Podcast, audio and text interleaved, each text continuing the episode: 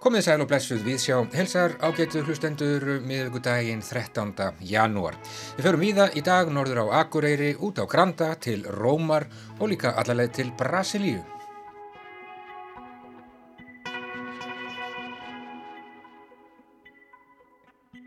Þrjáttjú og þryggja metra laung kvenn sköp, já, risavaksinn píka í almenningskarði hefur valdið blóðheitum umræðum í Brasilíu og víðar. Listakonan á bakvið verkið vildi varpa ljósi á þann ójöfnuð og þau vandraði sem að kynferði getur skapað.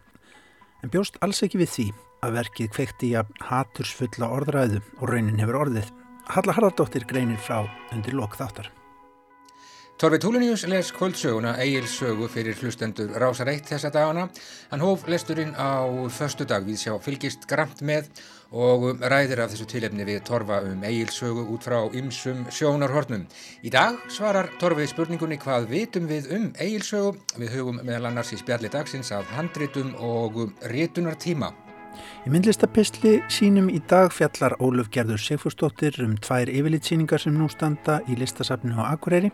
Sýningarnar eru afar ólíkar og vekja upp áhugaverðar spurningar um listina og samspil hennar við hverstasleikan. Þetta eru sýningarnar Kristín T.H. Málverk og ljósmyndir, þar sem að gefur að líta verk eftir Kristínu Katrinu Þorðardóttur Tórótsen og lengi skal mannin reyna sem er umfársmekil yfirlitsýning á verkum listamannsins Þorvaldar Þorstenssonar sem lést árið 2013. Og við segjum líka frá fornfrægum nöytnagarði sem fundist hefur við fornleifa uppgröft suður í Rómaborg, meira um það í Víðsjá í dag. En við byrjum út á Granda.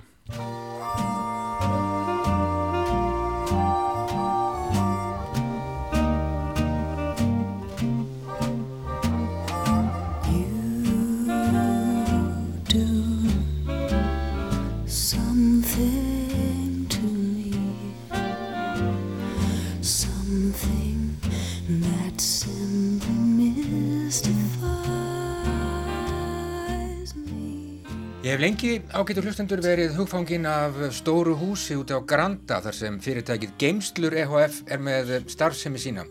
Ég var myndur á geimslurnar í gær en fyrirtækið hefur verið í fréttum vegna þess að hæstiréttur kuð hafa fallist á beinu um að skadabótamál leigutaka gegn geimslum EHF verði tekið fyrir hjá hæstarétti. Stefnendur munu hafa krafist þess að fá alls 20 miljónur í skadabætur og 3,5 í miskabætur vegna stórbrunna sem varði í húsnæði fyrirtækisins í april árið 2018.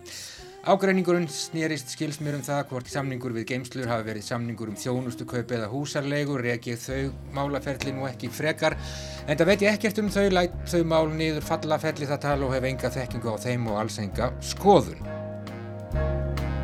I have got you under my skin I've got you Ég hef á undanförnum árum oft átt erindi út á Granda, notabenni, það var ekki þar sem brunin varð og ekki bara til að fara í Nestek eða Íslandsbanka eða hlusta á nýjar plötur í hljóðverónum sem eru þarna alveg við sjóin. Nei, nei, ég hef verið í öðrum erendagjörðum. Grandin hefur auðvitað lifnað við á síðustu árum, þarna er tölverður gróandi, þarna eru nú vinsælar ísbúðir, galleri, reyðhjólaverslanir, veiðibúðir, allt í gömlum verbúðum, marsjálhúsið er þarna og auðvitað er kaffivagn á sínum stað við Grandagarð og þarna kuð vera mikil uppbygging fyrir höguð. Og fáir reytir í Reykjavík eru auðvitað magnaðri þegar maður þarf sjálfur að magna sig upp en gamla trébryggjan við hliðin á þessum sama kaffivagni. Hversu oft hef ég ekki heimsótt hana til hvers, ekki til að býða spemtur eftir næsta strandferðarskipi. Sátími er lungu liðin og væri hvortið er engin innan borð sem ég þekkti eða hefði áhuga að tala við. Nei, nei, ég geri þetta til að komast ef svo má segja á bakvið heiminn, horfa á skipin og miðborgina, hörpuna Frá því sem mér finnst alltaf vera óvænt sjónarhortni, ég verði alltaf jafn undrandi og nýr, elegant og all right eins og sér að Mattias skrifaði þarna á bryggjunni.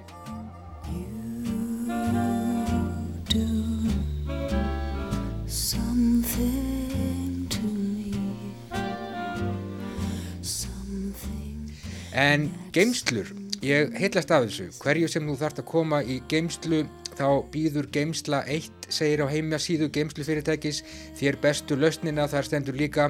Hægt er að finna lausnir á nánast öllum geimslu þörfum með fjölbreytt geimslu húsnæði og búslóða geimslur í fjölmörgum stærðum. Til eru geimslur sem hægt er að keira upp að og bjóða því óviðjafnanlegt aðgengi. En við erum sem sé ágætu hlustendur stödd við fiskislóð úti á Granda Þetta var eh, herfilegt gettó fyrir fánum árum. Ég hef lengi verið eh, viðskiptavinur hjá Nestekjum og fylst vel með þessu.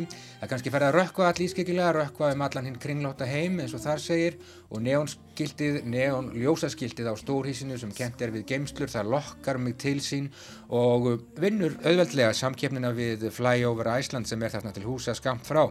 Svo ég tala nú ekki um bílaþóttastöðuna sem reyndar er reynd ótrúlega og bókstaflega magísk í ljósaskiptunum. Í geimslumaníunni fór ég að lesa mér til á heimasýðum geimslu fyrirtækja, til dæmis um geimslu 1. Geimsla 1 hefur þjónað viðskiptavinnum í tæmlega 10 ár. Á þeim tíma hefur komið í ljós að viðskiptavinnir eru með eins mismunandi geimsluþarfir og þeir eru margir. Þetta er ekkert minna en tónlist í mínum eirum, mismunandi geimsluþarfir, þetta orða eitt og sér. Geimsluþarfir gerir eitthvað fyrir mig, fyrir ekki nána út í það. En það að standa á planinu fyrir utan Bíkó og Krónuna og geimslur EHF eftir að fara þeirra rökva, það er eitthvað við það. Einmannalegt sannarlega ef maður gefur sér tíma til að nema staðar eins og maður þurfi ekki að fara neitt en það er líka í því einhvers konar algleimi sem ég skil auðvitað ekki alveg. Það er bara þetta risastóra hús, þetta risastóra tóm, þessir risastóru rauðu stafir, geimslur og með smæra letri Self Storage Center. Ég var aldrei komið inn í þetta hús og það eru þetta kaltæðin í þessu hjá mér en og um leið fölskólaus aðdón á sama tíma. Self Storage Center, óviðjafnarlegt aðgengi, viðskiptavinir með mismunandi geimslu þarfir, opið allan sólaringin, allan ársins ring.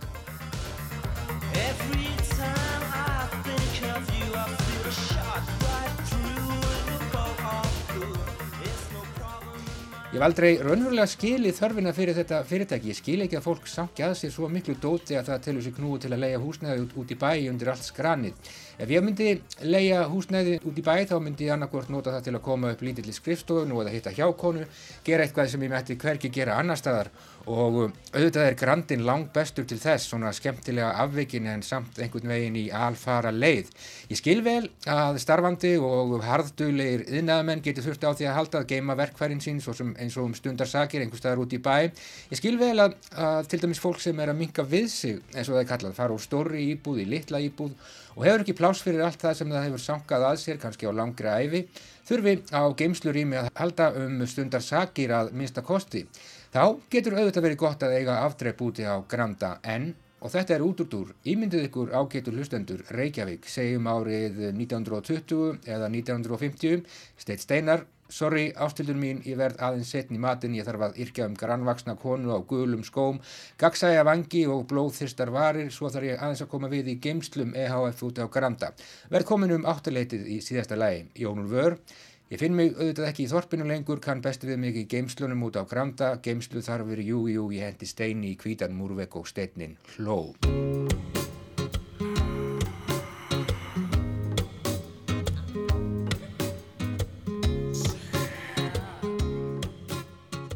En, og by the way, ágættu hlustendur, þar sem ég er staðið á planinu fyrir utan Bíkó, Krónuna og Geimslur EHF í ljósaskiptunum, öðru korum með við miðnettin og eða bara um hánótt á leiðinni bókstaflega ekki neitt, samt átt ég erindi, á planinu finn ég frið og ég verð friðlaus, hefur mér orðið hugsað til alls þess fólk sem um, hefði verið mögulega meir en tilbúið til að geima svo sem eins og eitt sófa, eina fristikistu, kommóðu, borstofustólun og eða bara lampa og það algjörlega frýtt, er það ekki kallað deili hagkerfi.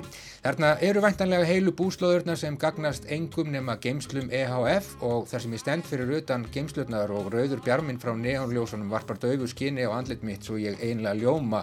Róðinn breytir mér grandin að öðruleiti horfin í myrkur, samkeppni á milli geimslur EHF og fly over Iceland en geimslurnar hafa betur. Þegar ímynduraflöð á flug og ég sannfærist um að þetta stóra hús geti bara hreint ekki verið fullt af geimslum. Það hljóti að hýsa einhverju allt aðra starfsemi. Einu sinni máttur reykvikingar ekki taka hótelherbyggi á leigu innan borgarmarkana. Svo ákvörðun var stjórntæki og því beitti því skynni að koma í veg fyrir framhjáhald. Þessu hefur nú skilst mér verið breytt til góðs eða íls. En ég ímynda mér að geimslurnar úti á Granda, fyrirtækið Geimslur EHF sé ekki eins saklaust og það lítur út fyrir að vera og ég tek fram ég er alls ekki að saka forráðamenn fyrirtækisins Geimslur EHF um neitt misjant. Reynd ekki, þetta er bara mitt ímyndunarafl, just my imagination eins og þar segir. Að þarna sé um að ræða sannalegt aðgengi sem sparar bæði vinnu og tíma, fyrir ekki í það.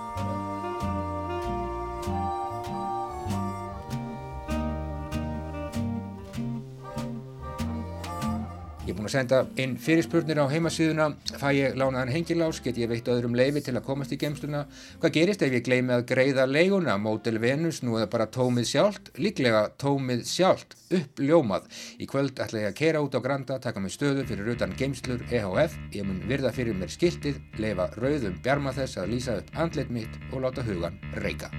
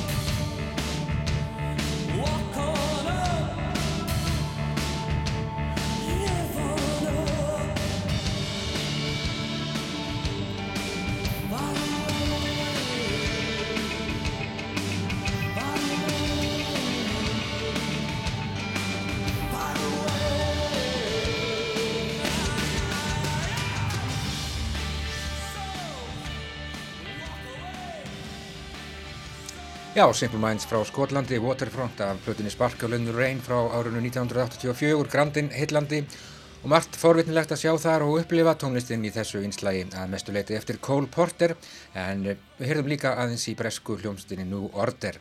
En frá Grandanum í Reykjavík sjávar síðunni þar höldum við til Rómar. They spoke of it first in whispers Then it took the media by storm. Password. Scrotum. So be it. Bob Guccione and Penthouse Films International present Caligula. If only all Rome had just one neck.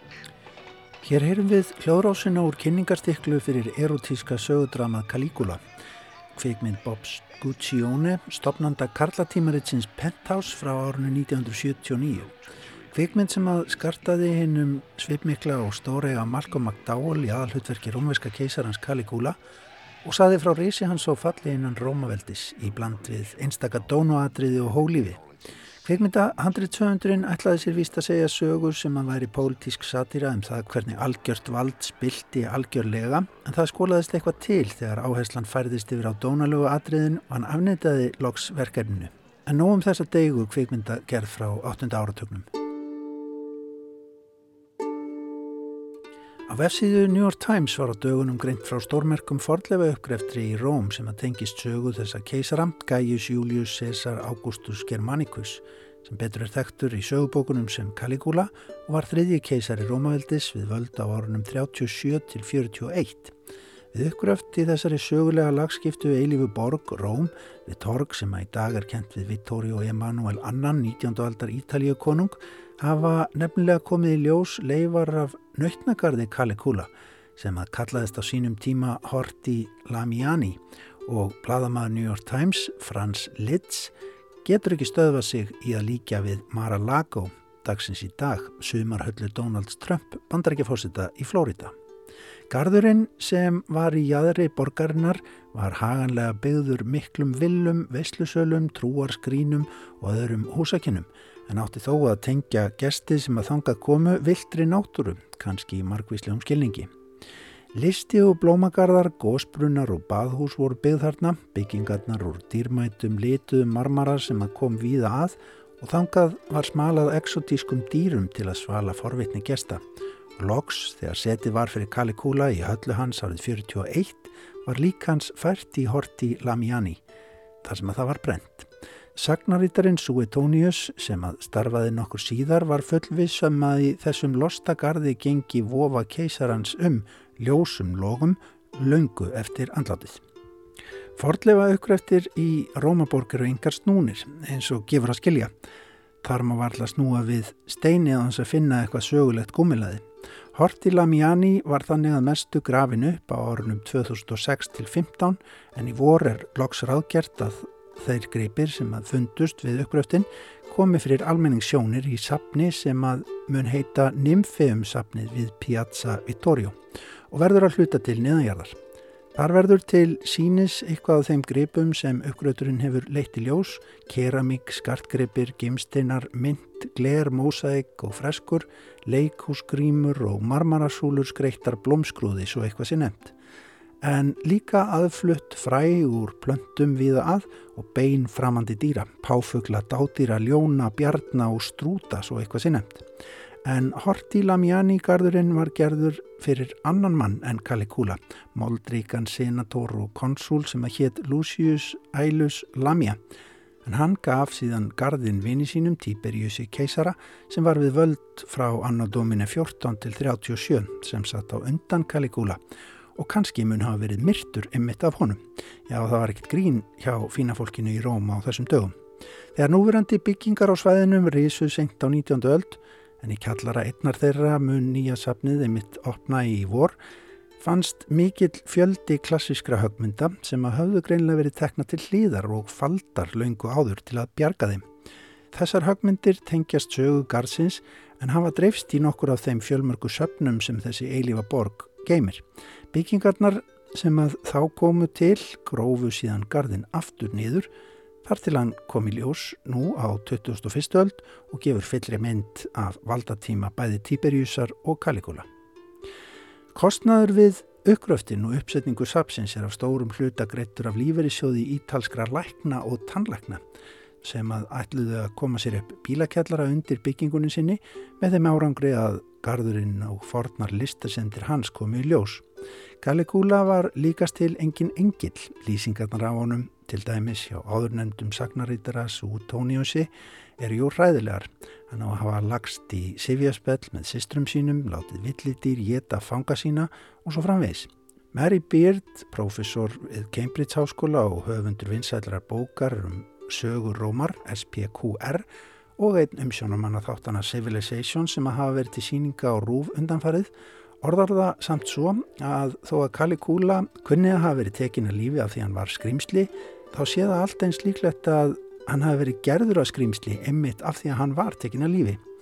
Það er erfitt skrifar Byrd í bóksinni að verjast þeirri niðurstöðum að þó svo ímislegt kunna hafa verið til í sögunum á Caligula séu þær órjúvanleg blanda staðreinda, íkja, viðsvítandi rángtúlkunar og hreinrættara uppfinninga og heilaspuna. Blanda sem að mestu var útbúin eftir dauða Caligula og ætlað að gagnast nýjum keisara Klátiusi.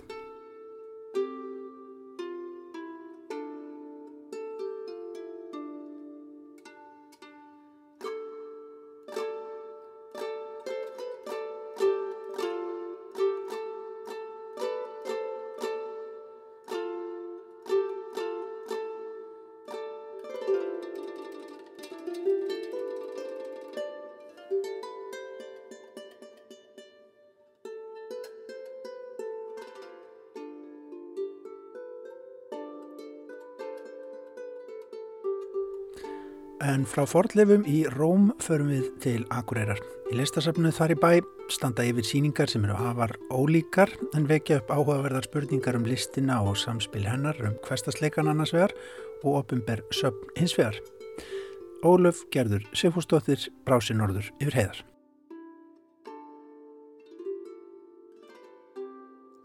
Ég hafði úr nógu að velja þegar ég heimsótti listasafnið á Akureyri á frostmiklum degi í desember síðaslinum en safnið býður upp á hvorki meira en minna en sjö síningar um þessar myndir. Ég haf ekki komið í safnið í nokkur tíma eða ekki síðan það opnaði aftur eftir stækkun og endurbætur fyrir um tveimur árum, breytingar sem hafa skilað safninu glæsilegum síningarímum og aðstöðu af bestu gerð. Í þessum písli ætla ég einungis að fjalla um tvær af þessum síningum. Yfirleitt síningar tveggja listamanna sem í raun gæti ekki verið ólíkari. Þetta er annars vegar umfangsmikil síning á verkum Þorvaldar Þorsteinssonar, lengi skal mannin reyna og hins vegar lítil en enga síður áhugaverð síning á verkum Kristínar Katrínar Þórðardóttur Tóratsen undir yfirskriftinni KTH, Málverk og Ljósmyndir. Bæði eru þau Þorvaldur og Kristín Látin og því um eins konar endurlit yfir æfistarf þeirra ræða en með afar mismunandi formerkjum en það skipa þau eins ólíkan sess í sögunni og hægt er að hugsa sér. Þorvaldur með sín varanlegu og viðtæku áhrif meðan Kristín er ein af huldukonunum í íslenskur myndlist. Sýningin Kristín T.H. Málverk og ljósmyndir gerir listferðli og lífslaupi Kristínar nokkurar Tórótsen skil. Kristín fættist inn í Efristjættar fjölskyldu árið 1885 og í endasleft myndlistarnám til Edinborgar upp úr aldamótunum. En sest síðan að á Akureyri eftir að hafa gifst hér að stýralækninum og sinnir upp frá því sínu hlutverki sem húsmóðir og uppalandi. Hún lagði hins vegar aldrei myndlistardrömmin á heilluna en um 40 árum síðar tók hún aftur upp myndlistina eftir að þau hjónin sleitu samustum og hjælt þá utan til listnáms í New York, auk þess sem hún dvaldi langtvölum í Breitlandi á ymsum tímabilum. Á fjörða áratögnum ferðaðist hún svo til Indlands með skipi á samt yngstu dóttur sinni og kynntist þar Guðsbyggi sem átti eftir að hafa mikil áhrif á hana. Sýningin samanstendur af nokkru málverkum og tveimur marjumyndum sem Kristín gaf Akureyrar-kirkju árið 1942. Þetta eru aðalega kyrralífsmyndir og blómamyndir sem málaðar eru á blindramma og verðast í fljótu bræði ekki beiranina sérstaka sögn með sér sem slík. Þegar heið óvinnilega lífslaup Kristínar er hins vegar skoða nánar afhjúpast afar áhugaverð saga sem í samengi við samfélagslegar aðstæður, alþjóðlega ströyma í myndlist og í samengi við verkin sjálf skapar frásögn sem verðt er að skoða nánar. Verk Kristínar hafa aldrei verið sínd á ofinböru safni og í raun hefur hún ekki verið talin hluti af listasögunni fyrir nú með þessari síningu í listasafninu á Akureyri. Þessi frásögn er mótuð af síningastjóranum Þóru Siguradóttur sem er barnabarn Kristínar auk þess að vera sjálf myndlistamæður. Með því að setja verkinn saman í eitt síningarimi og rafa þeim upp eftir ákveðinni fagurfræði og lógík gefur Þóra okkur insýn í styrk Kristínar í málverkinu og þróun hennar sem myndlistakonu, samlega því að segja æfisögu ömmu sínar. Aug málverkana er á síningunni ljósmyndir úr ferðum Kristínar til Östurlanda, fengnar úr fjölskyldaalbumi sem varfist hefur í þrjár kynslaðir. Þessi hluti síningarinnar skapar sérlega áhugaverða tengingu við óvinnulegt lífslaup þessarar merku konu og setur tónin fyrir persónulega umgjörð síningarinnar. Þannig eru öll verkin fyrir utan Marímyndina tvær í eigu afkomenda Kristínar en Þóra hefur sapnað þeim saman fyrir gerð síningarinnar. Aðrar heimildir sem Þóravinnu með eru munlegar frásagnir og personulegt minni, ljósmyndir, skjöl og bref Kristínar til barna sinna. Úr þessu verður til mikilvæg frum rannsókn á framlægi Kristínar til listarinnar auk þess sem saga nærfsamfélagsins og hennar sjálfurar er sögð. Þessum rannsóknum er svo miðlað á varanlegan hátt með veglegri og vandari útgafu í greinum eftir Þóru sjálfa Helgu Kress, bókmyndafræðing, Hrafnildi Skram, listfræðing og Sigriði Matjásdóttur, sakfræðing. Það sem greið mig sérstaklega á þessari síningu var efnisleiki málverkana sem er fyrirferða mikill fyrir þá staðireind að verkin eru snjáð eða löskuð hér og þar, brest hefur upp á eitt og eitt horn og rammin ekki alltaf fullkominn. Fyrir vikið sprettur æfisaga verkana fram og lífslöp þeirra, rétt eins og Kristínar sjálfurar, verður tilfinnanlegt því hér eru ummerki tímans sínileg og hafa fengið að vinna óáreitt á því efni sem verkin eru úr. Þannig er fjölskyldusagan greift í verkin sjálf Nokkuð sem vekur upp sterk hrif í samhengi ofinbers listasaps þar sem slík ummerkir eru vanilega afmáð af forverðum sem vinna því að meta reglulega ástandverka og gera við þau eftir þörfum. Þetta gerir yfirbræða síningarinnar sérstaklega áhugavert og áraverkana verður enn sterkari þegar þau eru lesin saman við æfisögu Kristínar sjálfrar. En í þessu fælst einmitt gildi síningarstjórnunar sem aðferðar við að skrásetja og skapa nýja tólkun, nýja þekkingu sem sapnið svo hýsir og varvitir og í raun sviðsetur að einhverju leiti. Það er freistandið að velta áfram fyrir sér sapnasaminginu í verkum Þorvaldar Þorsteinssonar en hlutverk ofinbæra stopnana eins og sapna og skóla voru honum hugleginn. Nú er uppi yfirgripsmikil og afar skemmtileg síning á verkum Þorvaldar, lengi skal mannin reyna, þessa áhrifamikla listamanns sem hefði orðið 60 á síðasta ári. Ólíkt Kristinu þarf Þorvald vart að kynna en framlag hans til myndlistarinnar er laungu orðin först stærð í íslenskri listasögu. Auk þess að vinna auðvulega að myndlistinni var hann afkastamikil ríthöfundur, leikritaskáld, ljóðskáld, tónskáld og kennari eða mentor eins og hann vildi kalla það.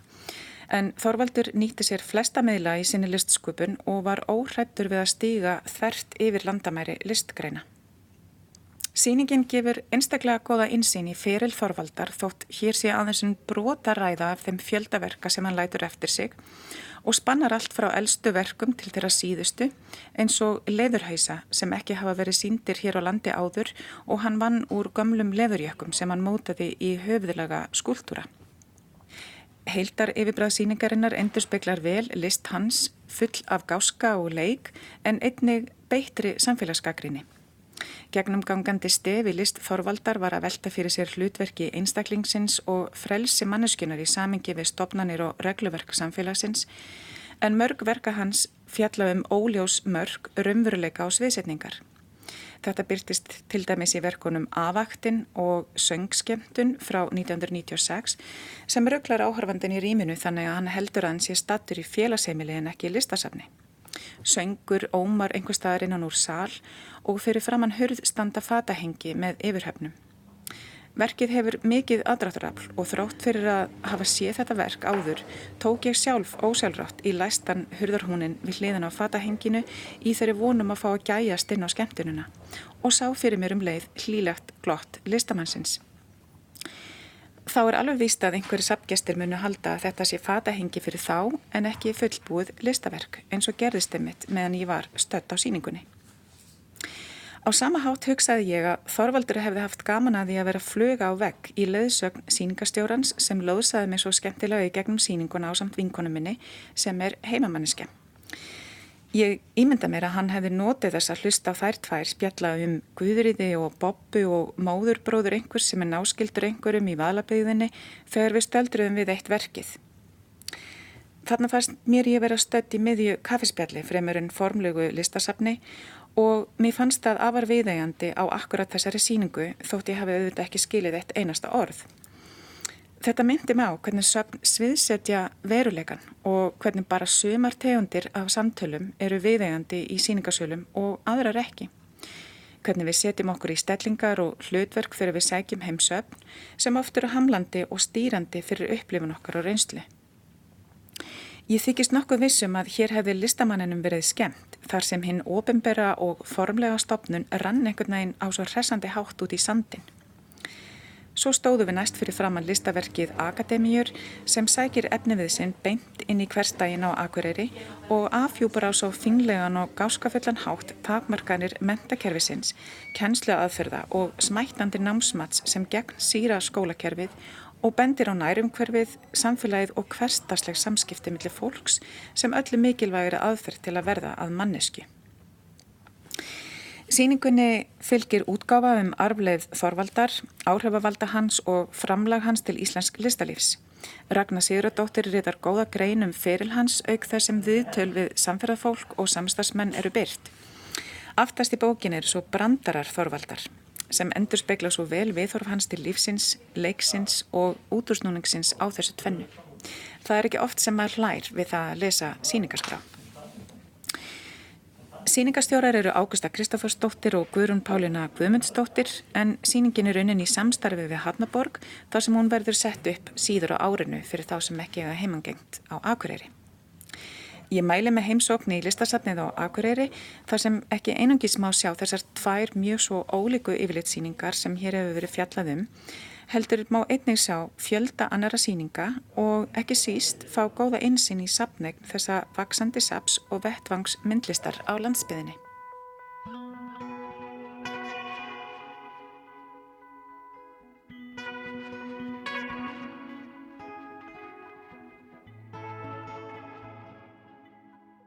Saði Óluf Gerður Seifúrsdóttir í myndlistapisli dagsins og hún heimsótti listasafn Akureyrar nú í desember og skoðaði þær tvær yfirlýtsýningar, ólíkar mjög.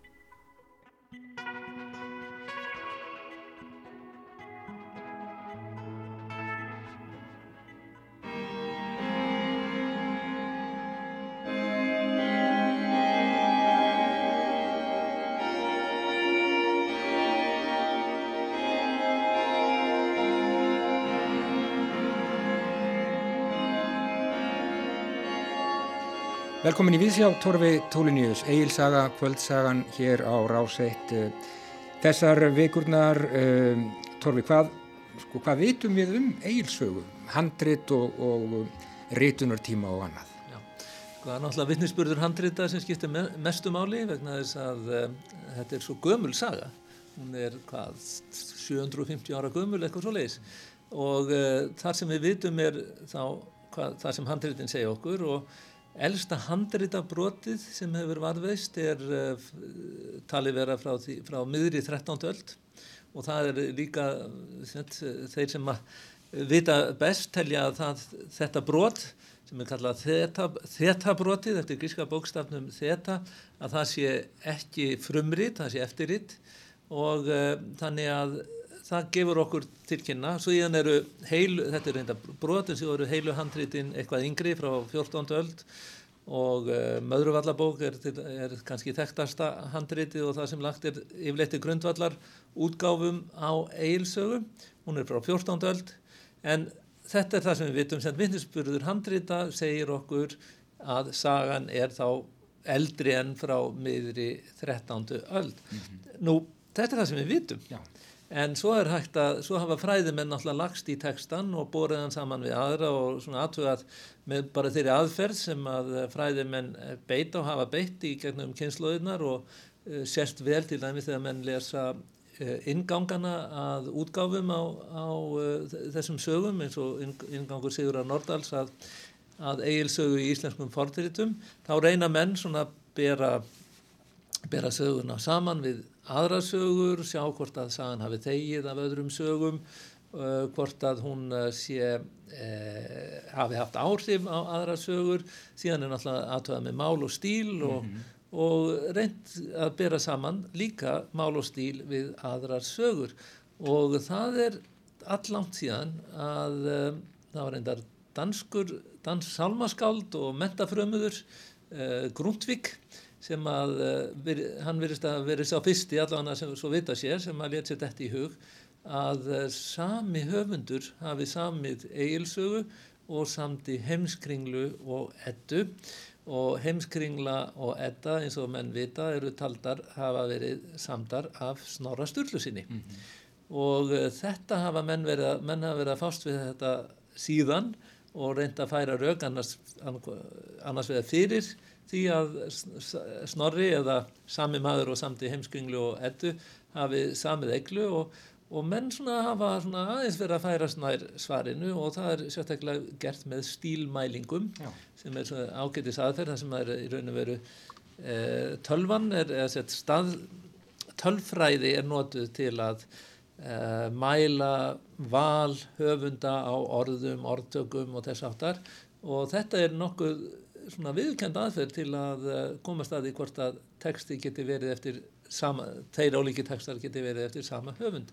Og allt bendir þetta til þess að sá sem að samti eigilsögu hafi verið mjög ná, nálagt þeim sem að samti heimskringlu og ekki síður eddu og um, Edda, sem snorra Edda eins og við kallum hana, við erum nokkuð vissum að hann samti hana því að þarna eru handrit frá, snemma, frá því snemma á 14. öld, þar að segja ekki nema 50-60 árum eftir að Snorri var veginn í Reykjóldi sem aldrei skildi orðið hafa að, að, að, að það er ekki þetta, það, og þar í þessum handritum er Eddan segir að Edda hafi verið samin af Snorra og eins eru líka hei, miðalda heimildir sem að staðfesta það að Snorri hafi samið heimskringlu að minnskosti einhverja hluta hennar og þannig að eh, við erum svona eh, það er orðið svona bísna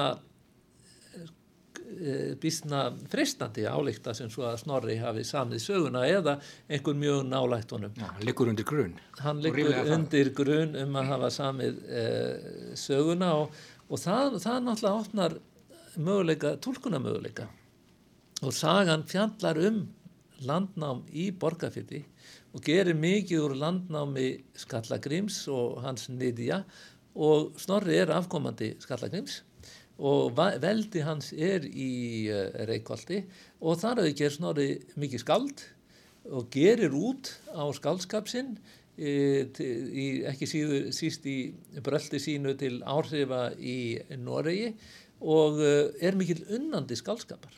Þannig að ýmsum hefur dótt í hug og, og ég kannski best að nefna fræðimannin Bjarnar Einarsson sem að rann, ranns, sem að lést fyrir hvað teimur áratugum eða svo.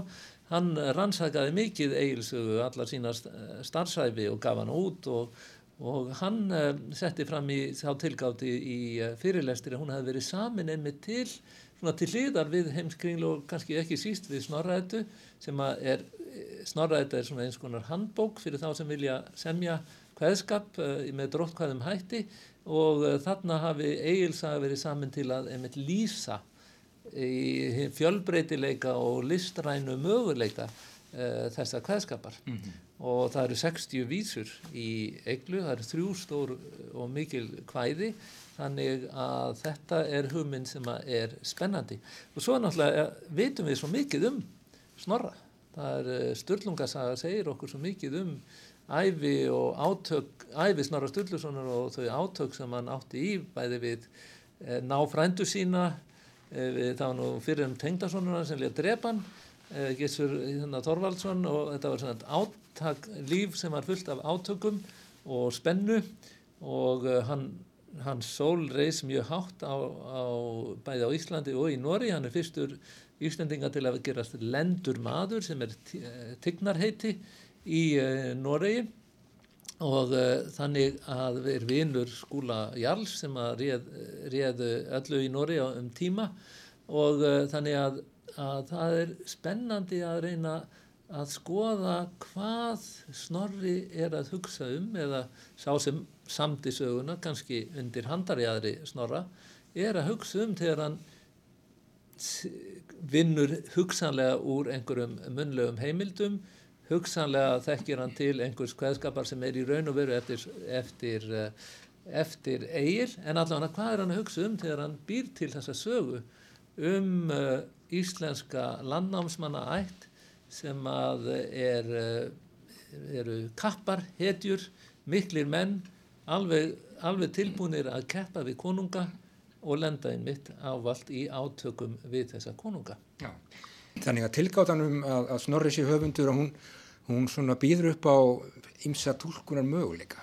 Já, en við þurfum alltaf að vera svolítið auðmjúk þegar við erum að fást við eh, bókmentir sem eru frá í fyrir svona löngu að við þekkjum ekki nema mjög lítið brot af, af þessum veruleika sem þessar sögur eru sprotnar úr og við getum aldrei verið viss um að Snorri sé hérna hafi verið höfundurinn en ef við gefum okkur það þá opnast tólkuna möguleikar og þeir eru spennandi en við auðvitað þurfum við að vera auðmjúkum það en er ekki veruleikin þannig, er ekki best að vera auðmjúkur gagvart honum. Heldur betur og uh, við höldum bara áfram að hlusta á Egilsögu. Takk fyrir komuna í Víðsjá í dag, Torfi Túlinus.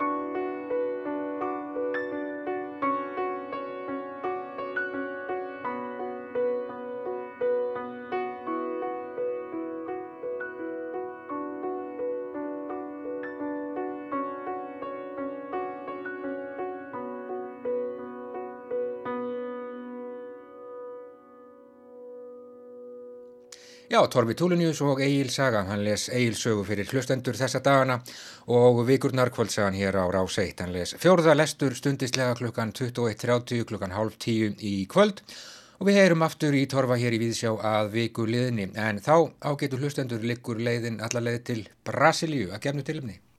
Já, 30 og 30 metra laung kvennsköp í almenningskarði hafa valdið blóðheitum umræðum í Brasilíu og víðar. Listakonan vildi varpa ljósi á þann ójöfnuð og þau vandræði sem kynferði getur skapað en bjóst alls ekki við viðbröðunum. Halla Harðardóttir hefur kynnt sér málið.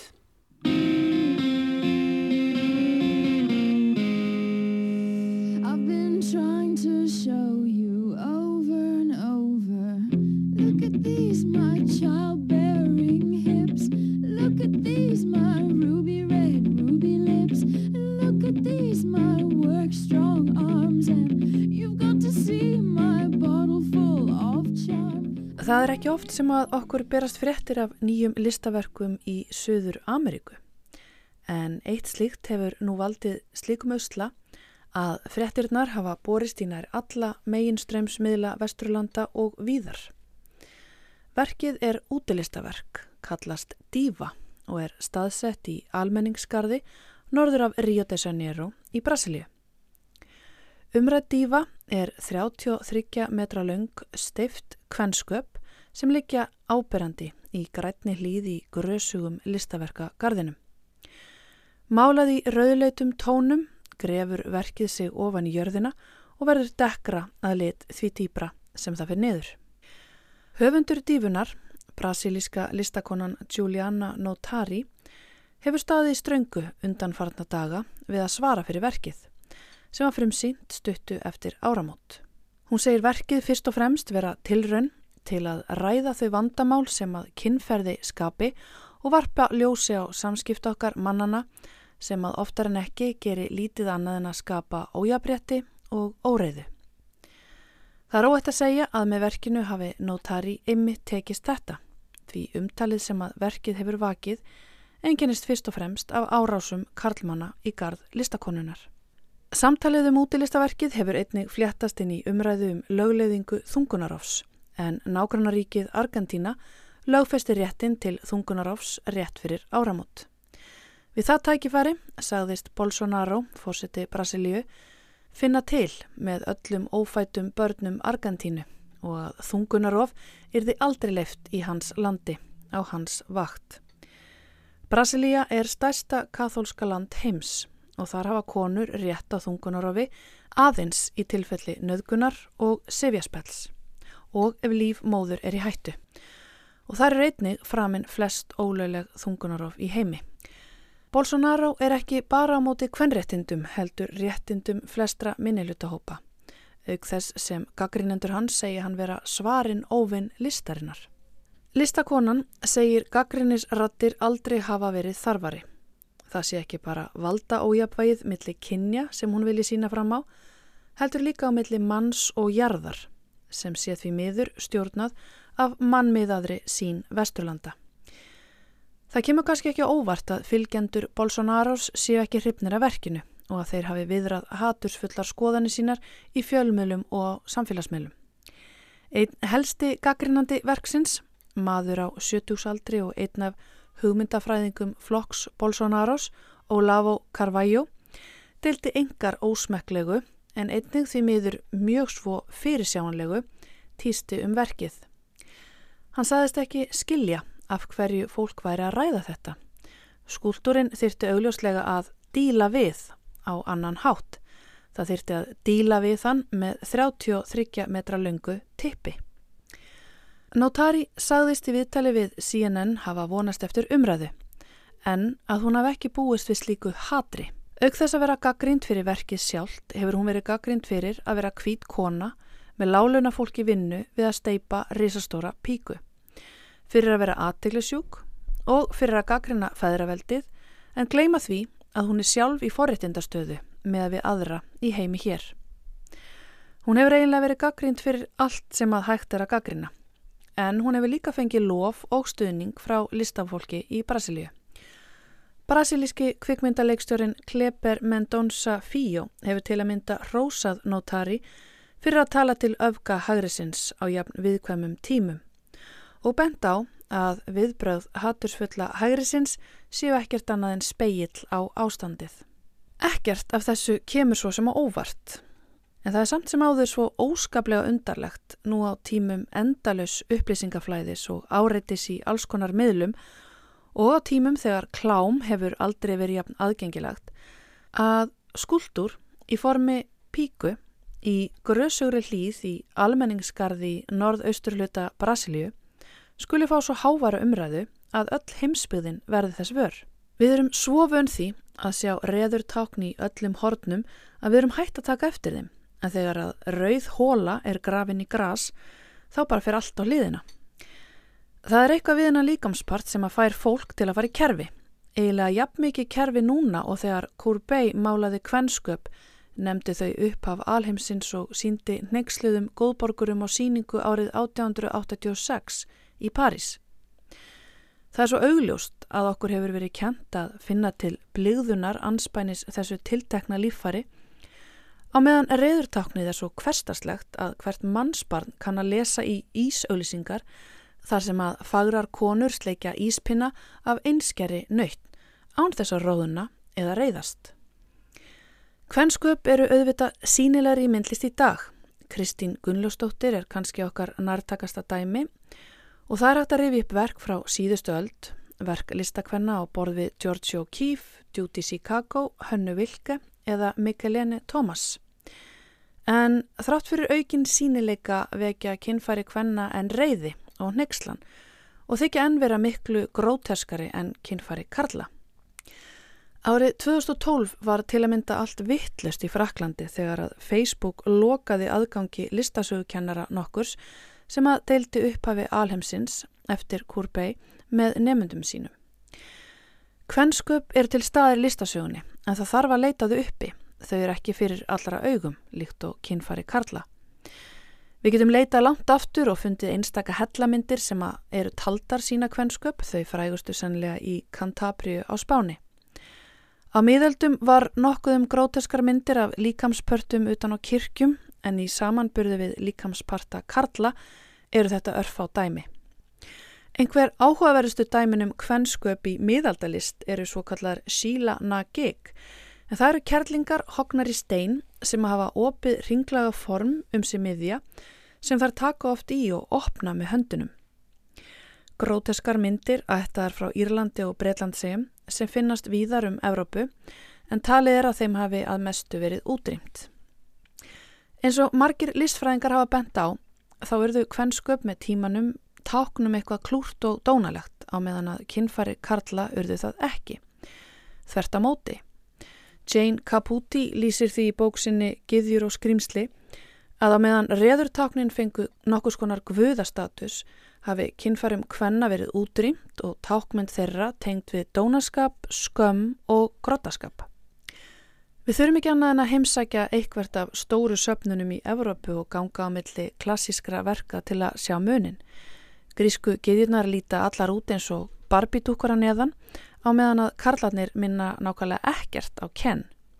Þeir, ólíkt konunum, eru allir með kinnfærin á sínum stað. Það þarf endar alls ekkert að ganga um íburðar mikla sali virðinga þrungina sapna til að sjá reðurtákn og kinnfæri karla upp um alla veggi. Það þarf ekki að fara lengra en á næsta almenningssalerni til að sjá tippi upp um alla veggi. Ég man allavega ekki fljótu bráði eftir neinu píku veggjakróti. Það gefur alveg tilefni til þess að staldra þess við og pæla í hversu mikið svo staðurinn tefur að segja. Ekki síst í ljósi þess að við eigum jú langflest líf okkar einnig slíkri að þakka.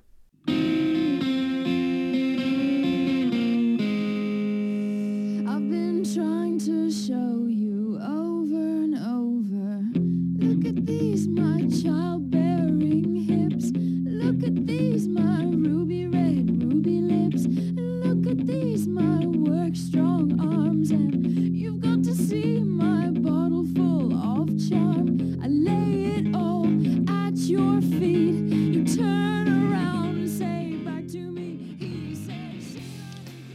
Já, hér hljómaði lagið Sílana Gig með PJ Harvey en eh, heiti lagsins og umfjöllunarefni vísar einmitt í fígururnar sem minnst var á í einslæðinu.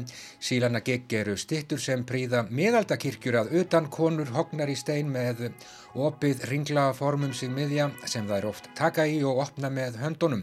Gróteskar myndir ættaðar frá Írlandi og Breitlandsegjum sem finnast víðar um Evrópu en talið er að þeim hafi að mestu verið útrýmt. Það var Halla Harðardóttir sem sagði frá. Svona ljúkum við Vísjá í dag ágættu hlustendur. Vísjá hér aftur á morgun á sama tíma á sama stað, löstu eftir klukkan fjögur á dagskrá rásar eitt. Takk fyrir samfélgina í dag, verið sæl.